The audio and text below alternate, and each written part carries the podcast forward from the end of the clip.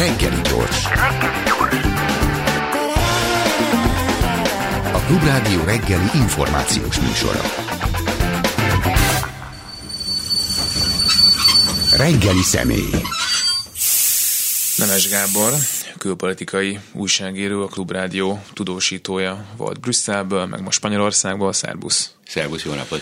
És hát nem véletlen, hogy gyűjtő héten, hónapban veled kedveskedünk a hallgatóknak, a Klubrádió túlélési gyakorlata folyamatban van, és ezt akartam összekötni azzal a kérdéssel, hogy mit gondolsz te arról, hogy a külpolitikai újságírás, meg a világ történéseiről való tudósítás, az, az mennyire megy nekünk, és most itt nekünk alatt nem a Klubrádiót, hanem általában a, a magyar sajtót értem. Tehát, hogy el tudjuk-e mesélni mi jól a magyar olvasóknak, hallgatóknak, nézőknek, hogy mi van a világban, és mi fontos.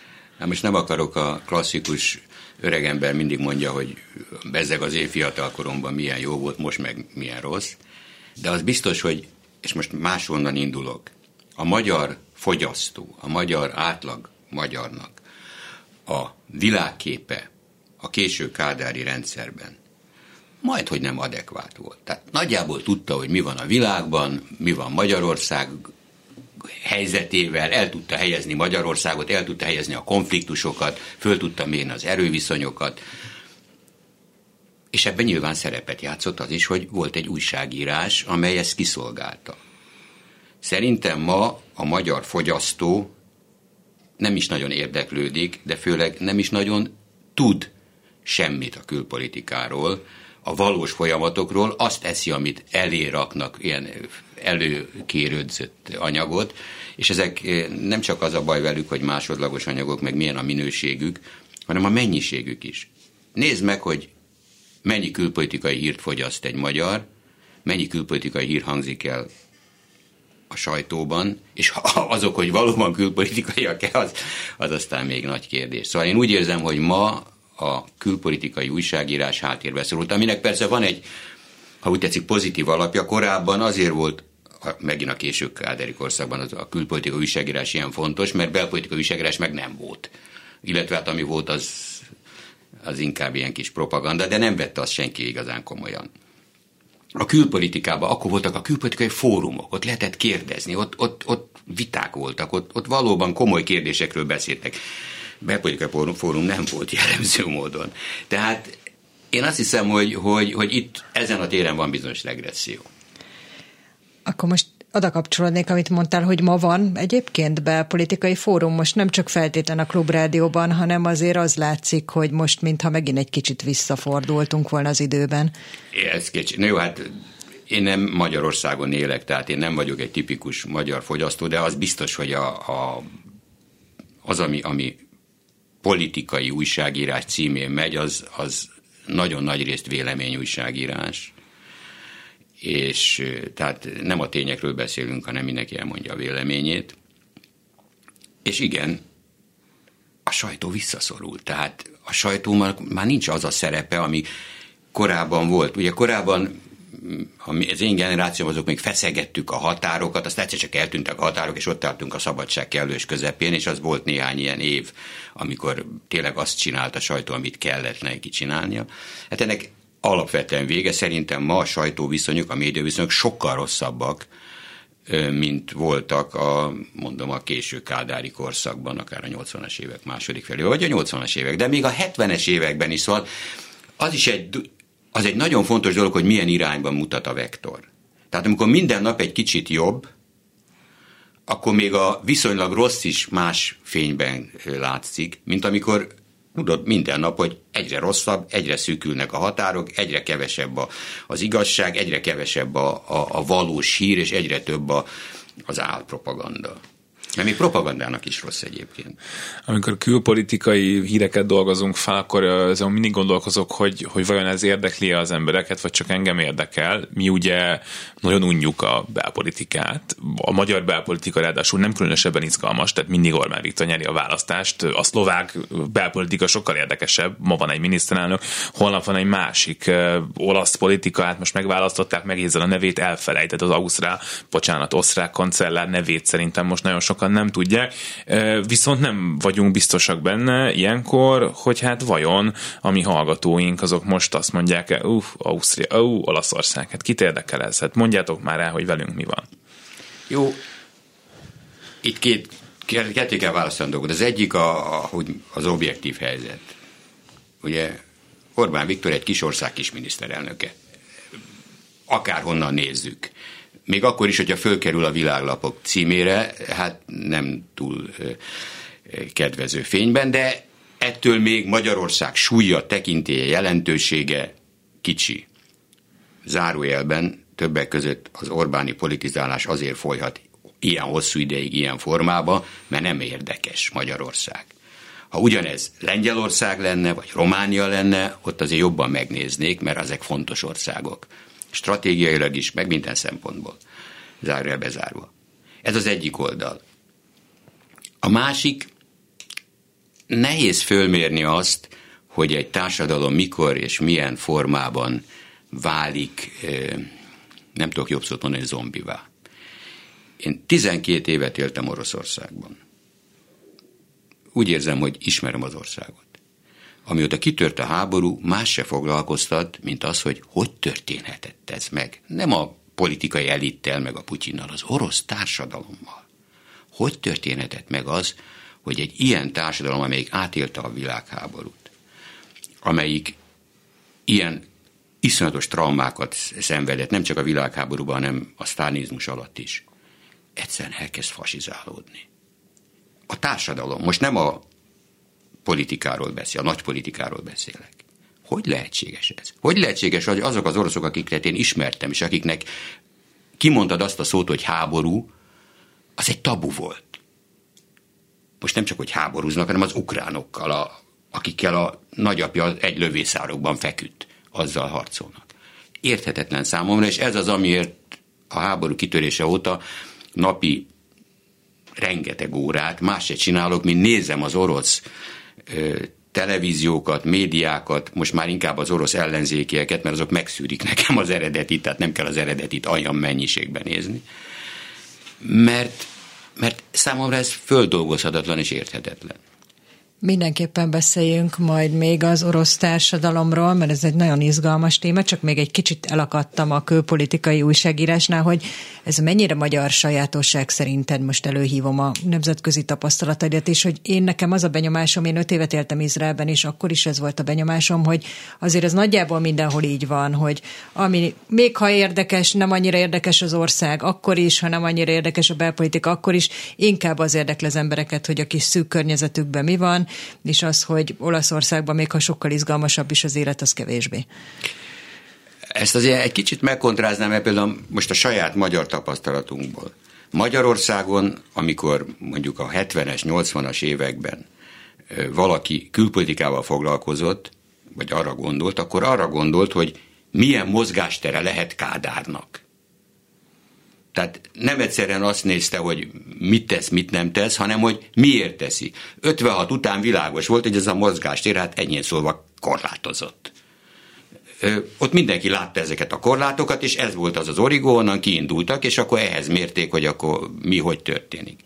Most ez a fajta tudás a külpolitikáról, hogy, hogy beléptünk az Európai Unióba, hogy akkor ez mit jelent Magyarország számára, és mit jelentene egy kilépés, ez azért ez azért továbbra is fontos kéne, hogy legyen, csak ez lassan úgy látszik, hogy elvész, és félek, hogy ez kicsit tudatosan veszejtődik el, és, és mindenki azt hiszi, hogy, hogy itten Magyarország egy ilyen önálló döntési helyzetben van, és azt csinálunk, amit akarunk, és ha most tegnap mondott egy beszédet, én nem nagyon nézem a, a magyar miniszterelnök beszédeit, de most, hogy jöttem ide a metrón, akkor elolvastam Esztergomba.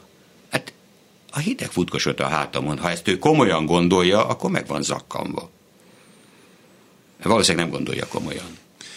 Ha már Orbán Viktor eszem beszéltünk tényleg a orosz médiáról, mert engem ez nagyon érdekel, meg az orosz társadalomról, de, de hogy nekem az furcsa, hogy miközben méregettük azt, hogy a mi hallgatóink, akik egyébként nyilván a legtájékozottabb emberek közé tartoznak, sem érdeklődnek annyira a külpolitikai iránt, ez volt a, a benyomás máshol is, akik online cikkeket írnak is azt látják, hogy ezeket azért jóval kevésbé kattintják. Mégis itt van egy miniszterelnök, 13. éve az ország élén, aki folyamatosan arról beszél, hogy külföldön mi van ehhez képest mi hol vagyunk, folyamatosan arról beszél, hogy mi velük szemben kiharcolunk valamiféle szuverenitást, arról beszél, hogy a világ nyugati részén milyen rossz dolgok vannak ezzel szemben, mi majd mit csinálunk máshogy. Tehát úgy tűnik, hogy ez az ő választóit legalábbis érdekli, örülnek annak, hogy ő valahol elhelyezi a, az országot egy nagy európai, nagy világtérképen, ami, ami szemben megy azzal a feltételezéssel, hogy az embereket ez nem érdekli, nem is tudják, nem tudom.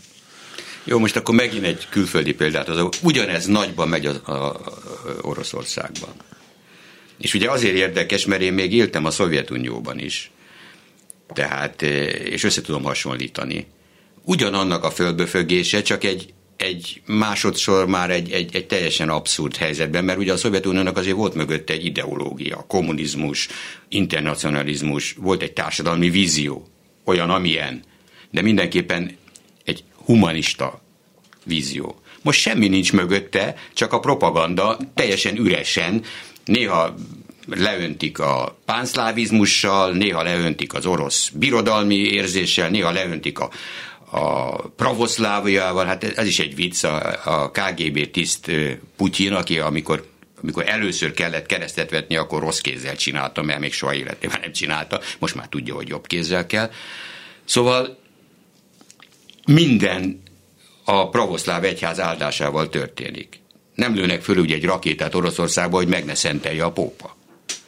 És fölvisznek az orosz astronauták vagy kozmonauták fölvisznek magukkal szentképeket, mert hát megáldott szentképeket, mert hát hogy néznek ilyen nélkül. Na most nekem semmi kifogásom a szentképek ellen, csak hát az emögött álló vagy nem létező ideológia, hát ez, ez, ez, ez teljesen nevetséges, és szerintem ezek a hamis tudatok, nem tudok jobb szót rámondani, ezek azért nem önmaguktól terjednek. Szóval ez nem úgy van, hogy az emberek egyszer csak elkezdenek hűlni. Az embereket hosszadalmas, nagyon fáradtságos rábeszéléssel viszik be ebbe az utcába. Oroszországban kilenc éven keresztül verték az emberek fejébe, hogy az ukrán nácik ott gyilkolják a ti gyerekeiteket. És az ukrán nácik tankjai eltapossák a te öt éves gyerekedet, és bemutatjuk az eltaposott öt éves gyereket. És ha ezt minden nap megkapod, akkor egy idő után te is zombivá válsz.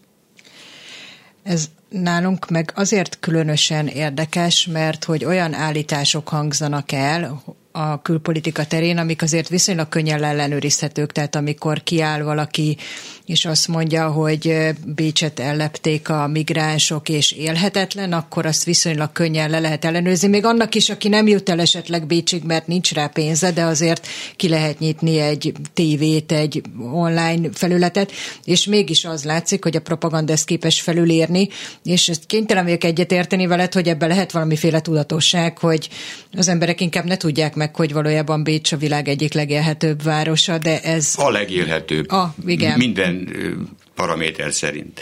Igen, tehát hogy ez szerinted hogyan tartható fenn, mert hogy még én egy orosz egy ilyen nagyobb ívű ideológiai agymosást még inkább el tudok képzelni, hogy hogyan működik, mint például ez, hogy elmondjuk, hogy Bécsben tőlünk egy országnyira mi van. Hogy Magyarországon mi történik, ezt jobban tudjátok. De most Oroszországban ez hogy történt, ez nagyon érdekes az orosz sajtó, az orosz média nem volt rossz. Tehát az orosz klubrádió, az Echo Moszkvi, az egy nagyon komoly rádióadó volt. Azt is kezdték visszanyesegetni, és a végén már csak tényleg Moszkvában szólt, és, és az össz, meg Szentpéterváron esetleg, és az összes vidéki adást azt megszüntették, vagy megölték. De az nagyon komoly ö, rádió volt. Tehát nagyobbak voltak az anyagi, személyes és egyéb lehetőségek, mint a klubrádióé. Jó, amint kitört a háború, ők is.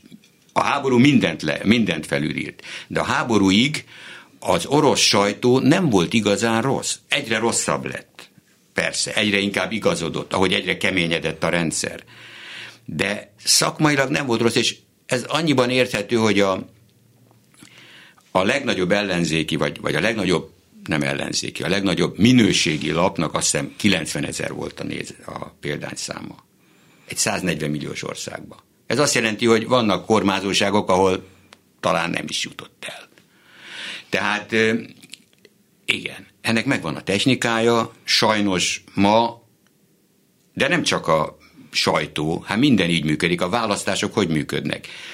Fölbérelnek olyan ö, hivatásos, ö, na nem akarom minősíteni őket, szóval olyan hivatásos profi ö, média és, és választási szakértőket, akiknek arra van képzettségük, akik arra vannak hivatva, hogy manipulálják, megdolgozzák a publikumot, és bevigyenek egy olyan témát, amivel meg lehet nyerni egy választást. Teljesen független attól, hogy mi újság van. Hát Magyarországon, ezt jobban tudjátok, ugye Európa rekorderek vagyunk a inflációba.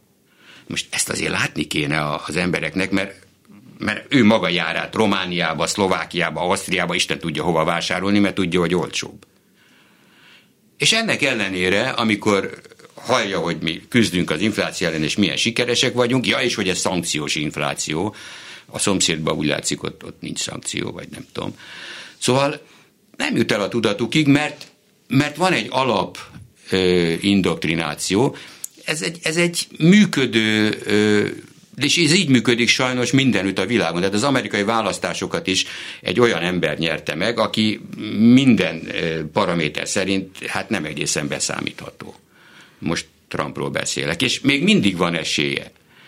Tehát ez egy kicsit technológia kérdése is, és egy kicsit annak a kérdése is, jó, ez messze vezet, mert valószínűleg ebben szerepet játszik az is, hogy a média ma már például ö, nem olyan döntő, mert a, bár szerintem média az is, a, a, ami a civil szférába folyik, tehát ezek ami nem civil szféra, ezek abszolút kézben tartott. Hát Oroszországban ez látszik, az összes ilyen internet csatorna és mindezek a Facebook és egyéb ö, csatornák, amikor mindenki azt hiszi, ott Telegramnak hívják, mindenki azt hiszi, hogy ö, hát ez, ez, ez, ezek magánemberek. Nem, ez, ez a hadseregnek vagy a KGB-nek a részlegei, kimutatható címük van, lehet tudni, hogy hol vannak, kik azok, és ezek csinálják, és ezek jó része egyébként Magyarországon is működik, és a magyar, ezt nem tudom, hogy ez mennyire köztudott, de a magyarországi hátsó ilyen civil információs rendszerben az orosz propaganda ezerrel jelen van.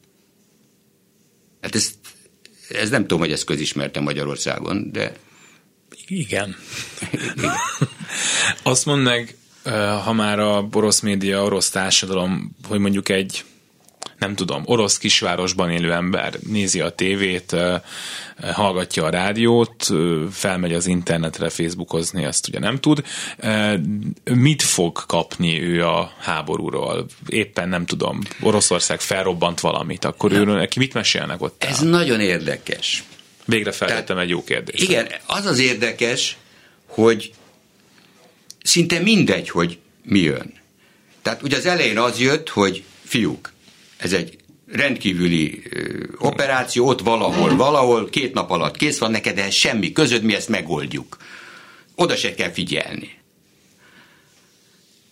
Akkor kiderült, hogy ez azért így nem működik. Akkor egy idő után átálltak arra, hogy na hát akkor ez most a nagy honvédő háború folytatása, fiúk.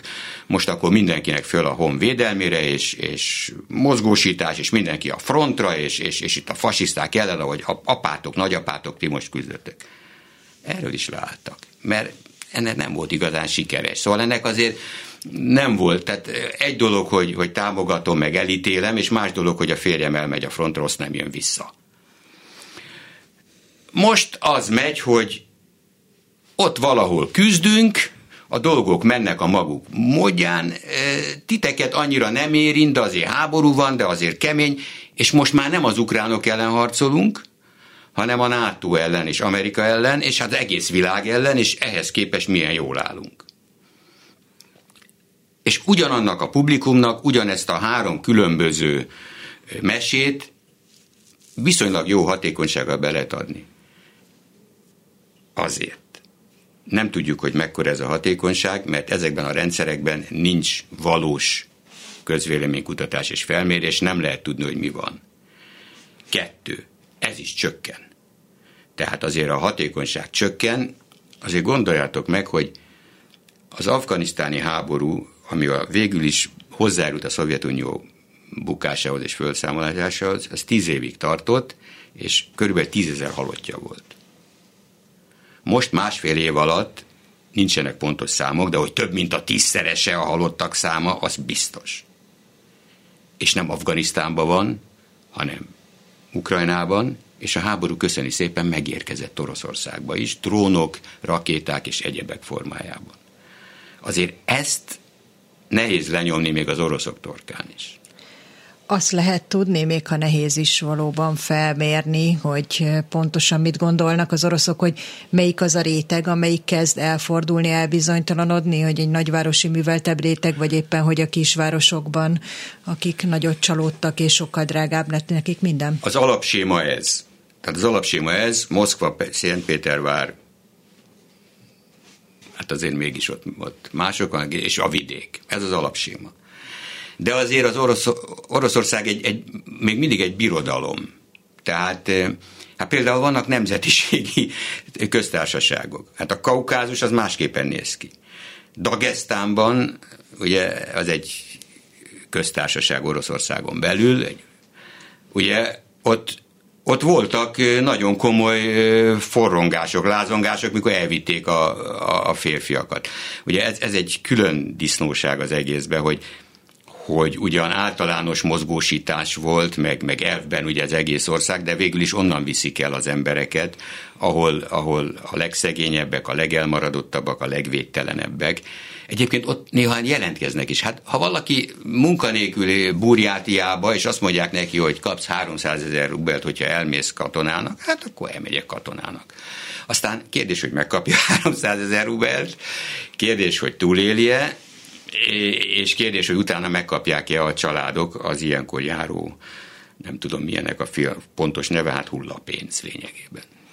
Igen, állítólag egyébként az kifizetések akadnak, de korábban pont ezekből lehetett következtetni a halottak való számára, hogy mennyit fizetnek ki a családoknak. Abszolút, hát van, van most csináltak egy felmérést pont abban, hogy a, a, ugye van ez a veteránok szövetsége, és a veteránok szövetségén belül, hogy hát eltűnnek, megjelennek, ott az ottani mozgás nézik. De például, amikor arra, arról beszéltünk, hogy a Wagner csapat, ugye, amelyik egy ilyen zsoldos csapat volt, hogy azok miért voltak hatékonyak vagy nem hatékonyak, azért, mert a Wagnert azt pontosan fizették. Tehát a Wagnerben nem lopták el a ellátmányát a katonáknak, ott vigyáztak a katonákra, ott, ott azok ugye profi zsoldosok voltak, akik pontosan tudták a maguk értékét és árát, akik ugyanezt csinálták ma Afrikában, meg mindőt másút, mínusz természetesen a, a stikába besorozott rabok, mert az, az fogyóeszköz volt, az, az, de az egy másodrangú kategória volt, és hát azok tiszta haszon, hogyha eltűnnek, mert ugye nem kell az államnak fizetni értük.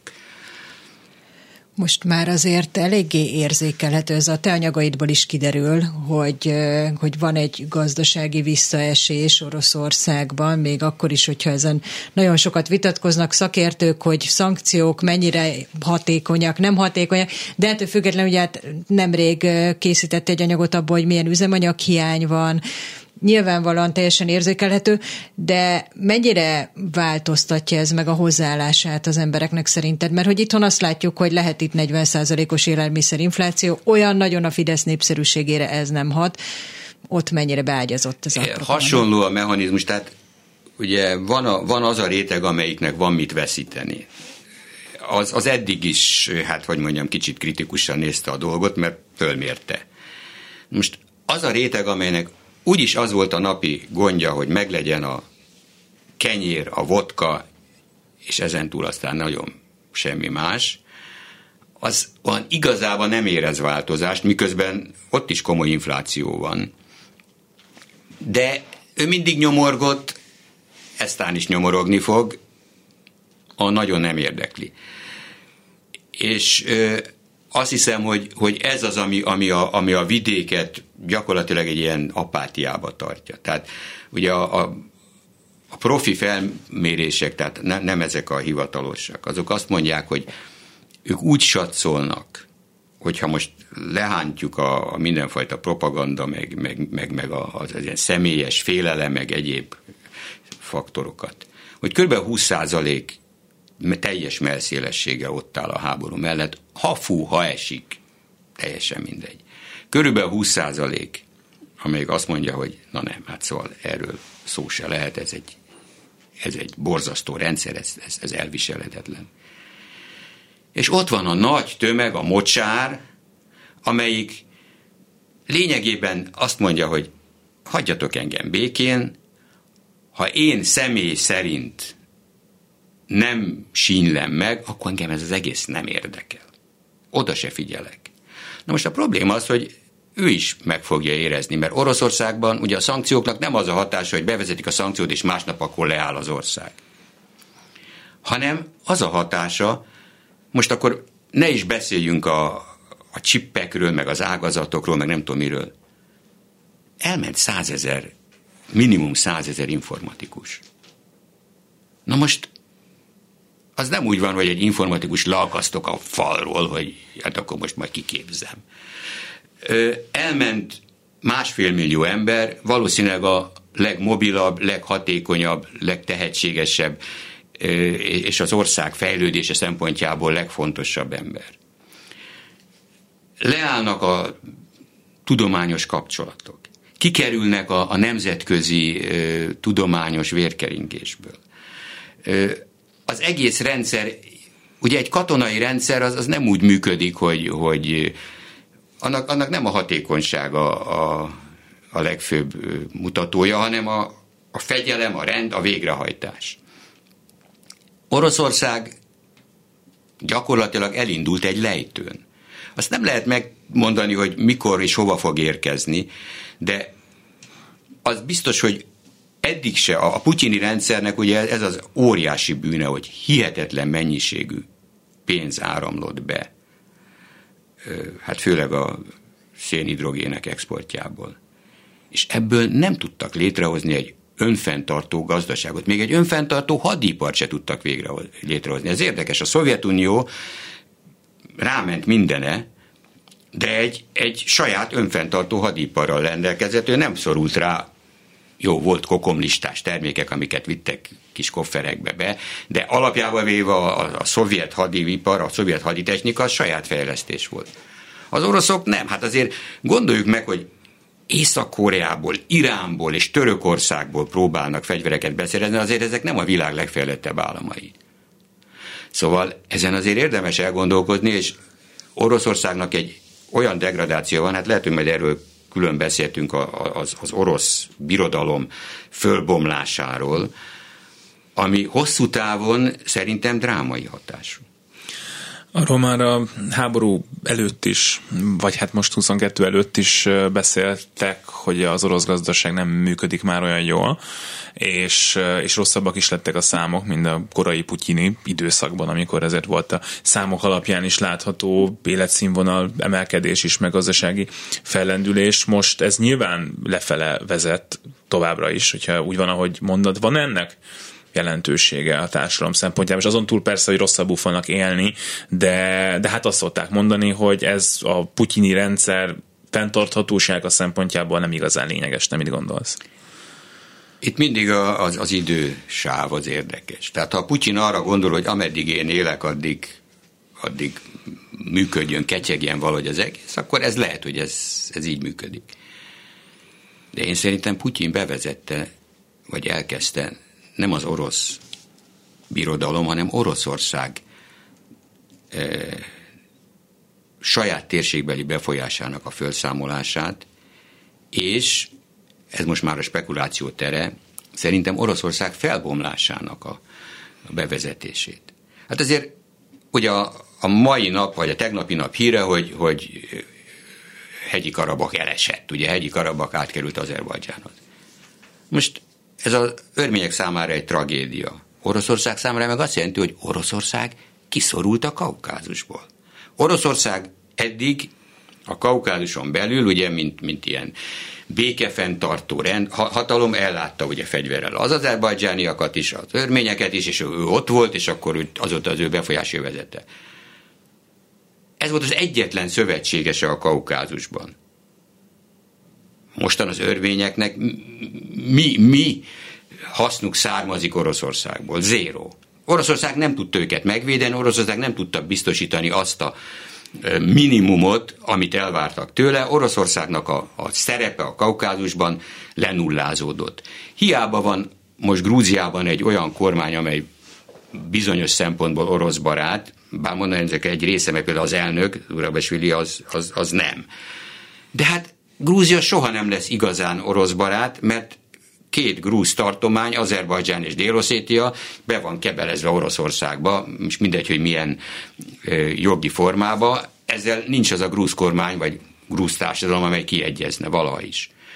Magyarán Azerbajdzsán már egyértelműen a törökök felé orientálódik, illetve a törökországhoz tartozik, és az, hogy, hogy ma már Putyin leül Erdogánnal, és valószínűleg megállapodtak, mert másképp nem tudom elképzelni abba, hogy hát jó, vigyed, vigyed a Karabakot.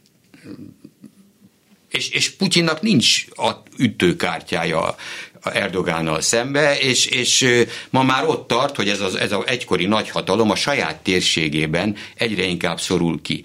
E, a saját térsége egyre ellenségesebb vele szemben, a hagyományosan semleges és orosz barát Finnország a NATO tagja, mert, mert hát Ukrajnának ugye ez, ez a hatása, Svédország dettó, a baltiak és, és mindenki másottan nyilvánvalóan ezerrel fog fegyverkezni, és, és minden orosz befolyást próbál visszaszorítani, ami még létezik náluk, mert ott azért nagy orosz kisebbség él. Ukrajna örökre elveszett, mint, mint orosz befolyási övezet, és, és örökké egy, egy, egy hát ellenség lesz. A Kaukázus elveszett, Kazasztán, ahol még egy hónappal a háború kitörése előtt az oroszok még rendet csináltak, mert behívták őket. Esze ágában nincs az oroszokkal bármit csinálni, mert náluk is van egy orosz kisebbség, és minden kazak vezetőnek ott, ott van valahol a fejébe, hogy hát ha mi Ukrajnában megtörtént, az nálunk is megtörténhet. Tadzsikok, kirgizek, üzbégek mind-mind most már nem csak gazdaságilag, hanem stratégiailag is, geopolitikailag, sőt katonailag is Kína felé orientálódnak – Hol van Oroszország? És akkor még nem beszéltünk arról, hogy a csecsen probléma bármikor megjelenhet, mert Csecsenföldöt úgy pacifikálták, hogy ott hagytak egy satrapát, ezt a Kadirovot, aki gyakorlatilag egy saját kánságot csinált, ott, ott az oroszoknak, az orosz törvényeknek nem is volt semmilyen hatása, ott, ott félig meddig a sárja uralkodott, és fizették, de borzasztó pénzeket fizettek. Most meg fog halni előbb-utóbb ez a Kadirov, nem néz ki túl jó bőrben, akkor, akkor mi lesz? Egy olyan országban, ahol például a vérbosszú az, az, az jegelhető 50 évig. Tehát magyarán, akik tehát a Kadirov ottan valamit kivégzett egy családot, az lehet, hogy azok majd egy, egy generációval később fognak oda csapni nem túl reális felvetés, de mondjuk egyszer csak jön majd valaki a közeli jövőben, nem lesz ilyen, tudom, Putyin helyére. Ez helyre hozható lenne valamilyen szinten ezek a kapcsolatok, vagy hát azt mondtad, hogy Ukrajna végleg elveszett, de hogy itt nyilván a Nyugat-Európa is végleg elveszett, hiszen ez egy, ez egy tartós izoláció, tehát gyakorlatilag bárki is van ott, akkor most megválaszolom a saját kérdésemet, ez visszafordíthatatlan folyamat. Így van, hát jó, vegyük a legfontosabb nyugat-európai országot, Németországot. Németország gyakorlatilag ö, már az Adenauer alatt is, tehát már a, az első az Német Szövetségi Köztársaság első kormányai alatt is valami fajta hát modus vivendire törekedett Oroszországgal, és aztán jött a nagy keleti nyitás, és és azóta a német politika a 60-as évek óta az volt, hogy Oroszországot bevonni az európai biztonsági architektúrába, minél erősebb gazdasági kapcsolatokat képíteni vele, mert ez a kölcsönös függés majd oda fog vezetni, hogy ez az örök ellenségeskedés, amely fönnállt Németország és Oroszország között, és a német bűnezen belül, ez majd akkor megszűnik.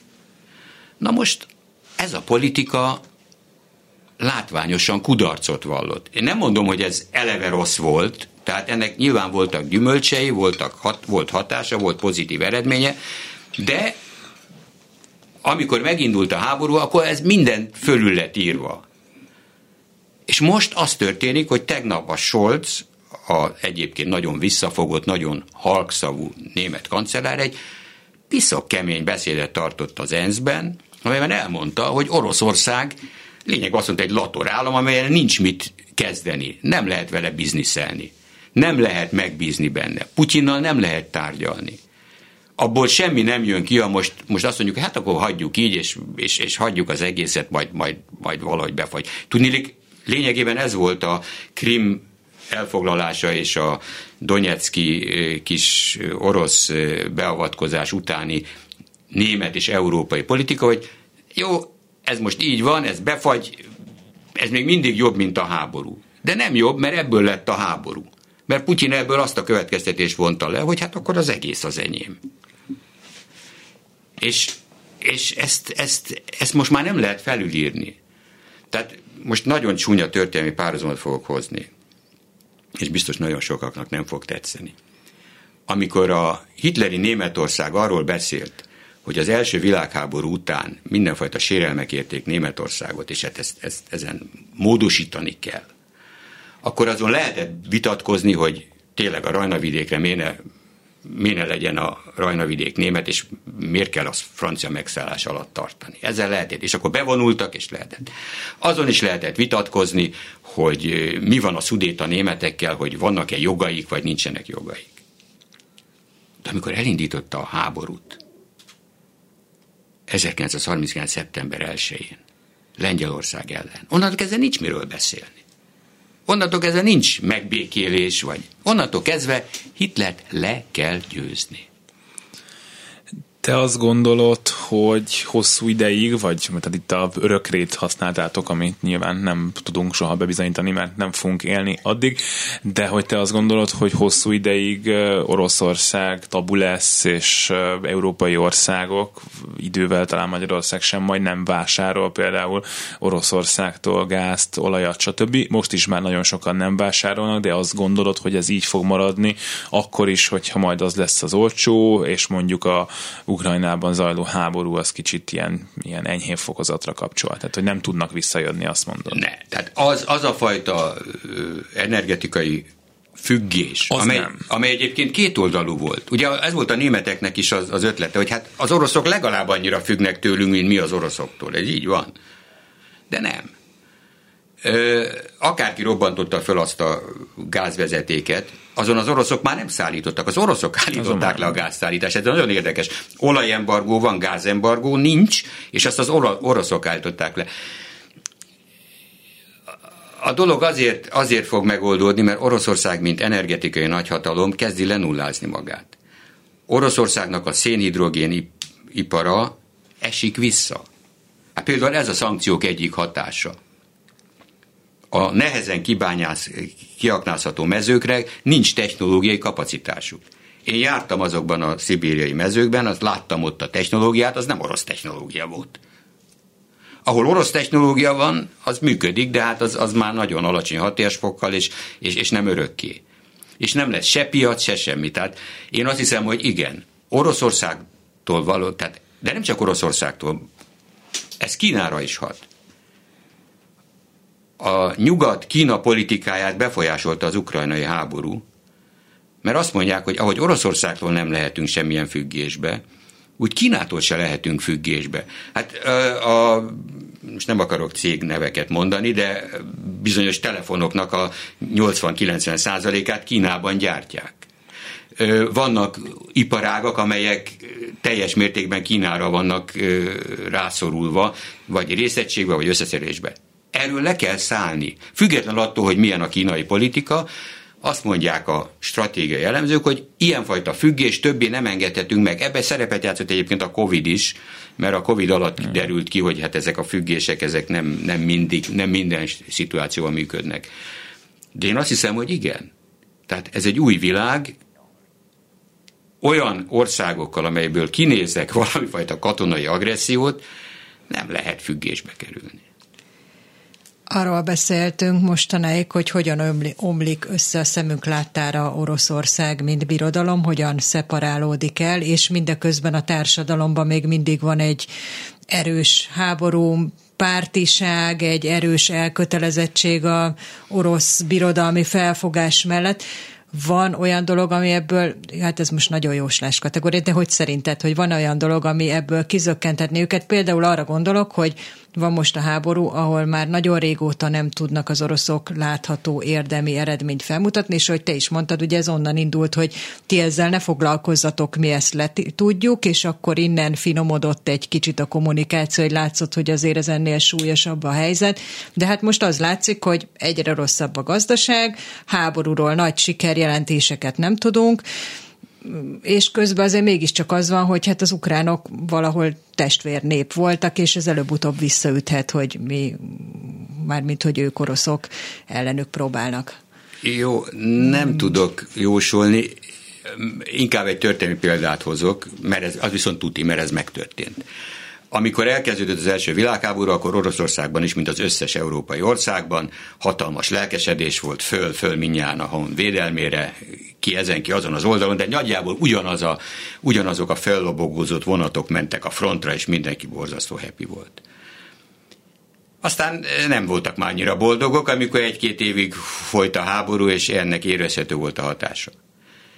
De például 17-ben, amikor kitört az orosz forradalom, az első a, a az, a, nem az október, hanem még februárban, amikor a, sztá, a cárizmus megdőlt, a frontvonalak semmivel se voltak rosszabbak, mint azt hiszem 15-ben. Szóval nem volt nagy különbség. Tehát nem az történt, hogy, a, hogy összeomlott az orosz front. De összeomlott, mert a katonák azt mondják, hogy köszönjük szépen, ők, nem, ők, ők most már nem harcolnának. És a hátország meg is azt mondta, hogy neki ebből, ebből neki elege van. Miközben, mondom, a hadszintéren nem voltak olyan drámai fejlemények, tehát nem volt nagy áttörés. Én azt hiszem, hogy ez a háború se úgy fog eldőlni, hogy valahol kitőznek valamilyen zászlót, hanem hogy valamelyik fél nem bírja tovább. Na most az a veszély azért fönnáll, hogy az ukránok, akik nem a saját erővel, vagy nem a saját háttér, gazdasági, katonai, nem katonai, haditechnikai háttérrel rendelkeznek, hanem jó részt külföldről kapják, ha ez megszűnik, akkor persze nincs mivel harcolni. Akkor is ki van zárva, hogy Ukrajnát elfoglalják. Most tétezzük föl egy percre, hogy Ukrajnát rögtön az első héten elfoglalták volna az oroszok. És meg tudták volna tartani. Hát látszik, hogy hogy gondolkodnak az ukránok erről. El tudták volna viselni azt, hogy, hogy egy ellenséges tartományban, ahol már most is hát bizony néha fölrobbantják a helyi kollaboránsokat. Képzeld el ugyanezt Lvovban, ahol a Lvovi orosz kormányzó kimere menni az utcára. Most Lvov az nyugat-Ukrajna. Tehát azért mondom, hogy, hogy ez orosz szempontból megnyerhetetlen háború, de ettől még az elképzelhetőek nagyon negatív forgatókönyvek is.